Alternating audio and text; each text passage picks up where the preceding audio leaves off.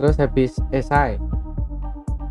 Habis habis selesai udah kan akhirnya nggak tak ganti ya karena kalau diganti sama aja aku Iya. nggak tak ganti terus yang tak ganti itu cuman yang kenapa kau masuk resumekan itu sama suruh nambahin nambahin nambahin.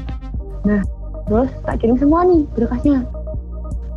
Terus udah dong selesai. Nah itu aku wah itu gimana ya rasanya? Tak jadi kan waktu waktu masuk kelas 12 tuh aku udah mau ikut les. Karena aku nggak pernah ikut les loh. Soalnya kalau menurutku ikut les tuh malah ngira itu lebih jelek. Nah kenapa? Jadi aku nggak mau ikut les. Tapi sama bunda aku suruh ikut les. Nah karena udah daftar ke resumekan itu aku merasa kayak lah kok a- apa sih? Apa nggak usah les gitu padahal aku udah ikut les. Jadi setelah terima resumekan itu aku mulai oh, aku mulai bolos-bolos les jadi dari ngurus-ngurus berkas tuh aku udah mulai bolos bolos bolos. Bolos terus begitu udah serah berkas terus aku udah udah ikut les lagi sama sekali kayak. Tapi aku punya perasaan gimana kalau aku nggak keterima? Aku harus apa? Aku mau mau sekolah di mana? Kayak gitu kan. Karena aku nggak daftar swasta.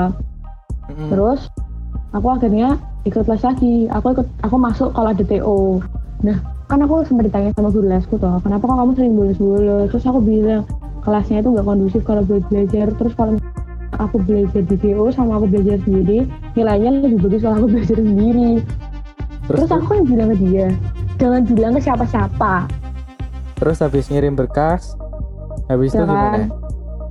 Kan ngirim berkasnya kan ada yang online ada yang jadi DHL ini aku juga bodoh nih waktu ngirim berkas dari DHL jadi tuh aku nggak tahu ya kalau ada DHL di dekat bandara tuh aku nggak tahu terus aku malah aku nggak tahu aku tuh malah ke DHL depannya Louis Skin dekat Paragon itu loh ah ah, tahu tahu tahu tahu Nah iya, aku malah ke DHL yang itu. Terus waktu aku datang ke situ, itu eh, habis ujian praktek. Aku ke situ kan. Nah itu tuh kantornya tuh tutupan. Tapi tuh tulisannya open, tapi tuh kantornya dikunci. Nah terus aku parkir di bengkel sebelahnya. Nah kata bapaknya yang jagain bengkel itu, orang-orangnya lagi layat. Tak tungguin dong, tak tungguin mereka layat.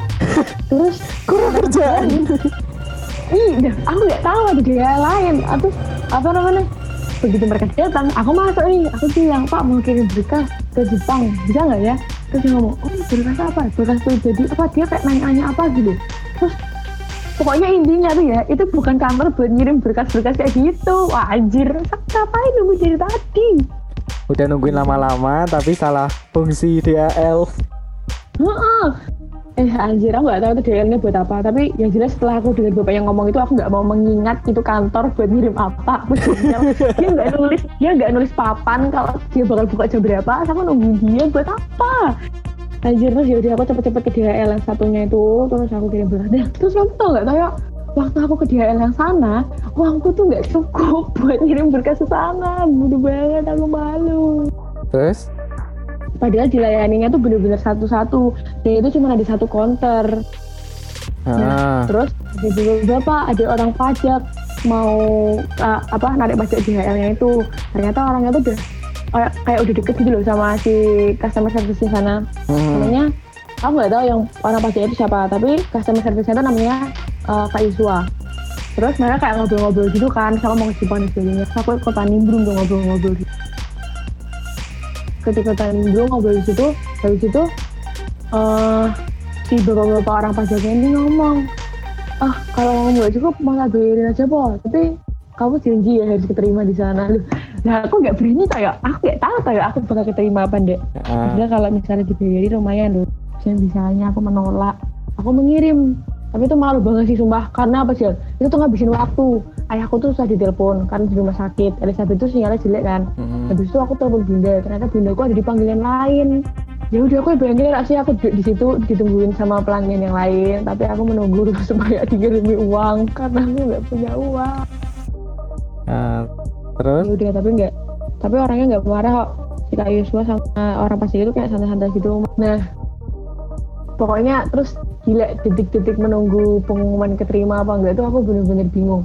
Aku nggak tahu aku harus apa apakah aku harus membuatkan diri buat SBM yang aku bakal aku pasti gak bakal keterima kalau aku masuk BI karena aku IPA terus aku udah gak tahu banget. Terus habis itu ada pengumuman ternyata cuman TPU TPA TPS cuma TPS cuma TPS aku kayak wah kalau TPS mungkin aku punya peluang. Jadi aku mulai ikut tryout-tryout gitu. Aku mulai ikut tryout-tryout. Jujur ya aku tuh daftar tryout banyak banget tapi yang tak ikutin cuma satu. Jadi lainnya aku lupa. Dia tanggal berapa Habis itu aku kan aku kan nggak pakai email utama aku toh, jadi aku nggak tahu, aku nggak tahu kalau ada pemberitahu di itu. Terus kalau misalnya di email masuk gitu, tapi bukan dari kotak pertama aku tuh emang nggak tak buka dan aku nggak peduli gitu loh. aku tuh ikut, aku tuh ikut satu gara-gara diingetin sama Ferin, diingetin sama Cima, diingetin sama Ferin, saya ikut. Oh ternyata aku bisa ngerjain yang bedaannya, tapi aku nggak bisa ngerjain yang itu hitungannya ampas cowok. Aku rak iso banget anjir otak aku kayak wes rak bekerja malah kan kayak ngono gila. Aku bahkan udah lihat dari Google aku nggak nemu caranya gila. Iya tuh otak aku rak tekan. Terus pengumuman. ya kan? Hah? Pengumuman. Oh, terus sebelum tahu gak sih sebelum pengumuman? Oh sebelum aku keterima tuh ya tiap malam tuh aku bener-bener doa aku tuh kayak orang putus asa. Aku tuh berdoa sama Tuhan kayak aku udah gak punya masa depan kalau nggak keterima. di Enggak gitu Kayak juga. Enggak gitu dong.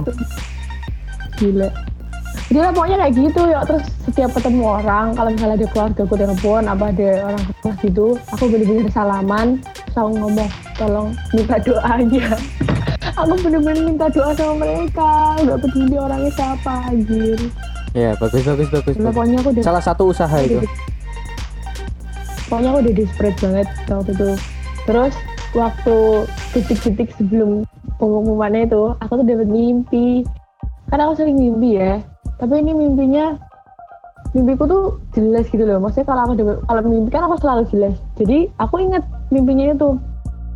Mimpinya tuh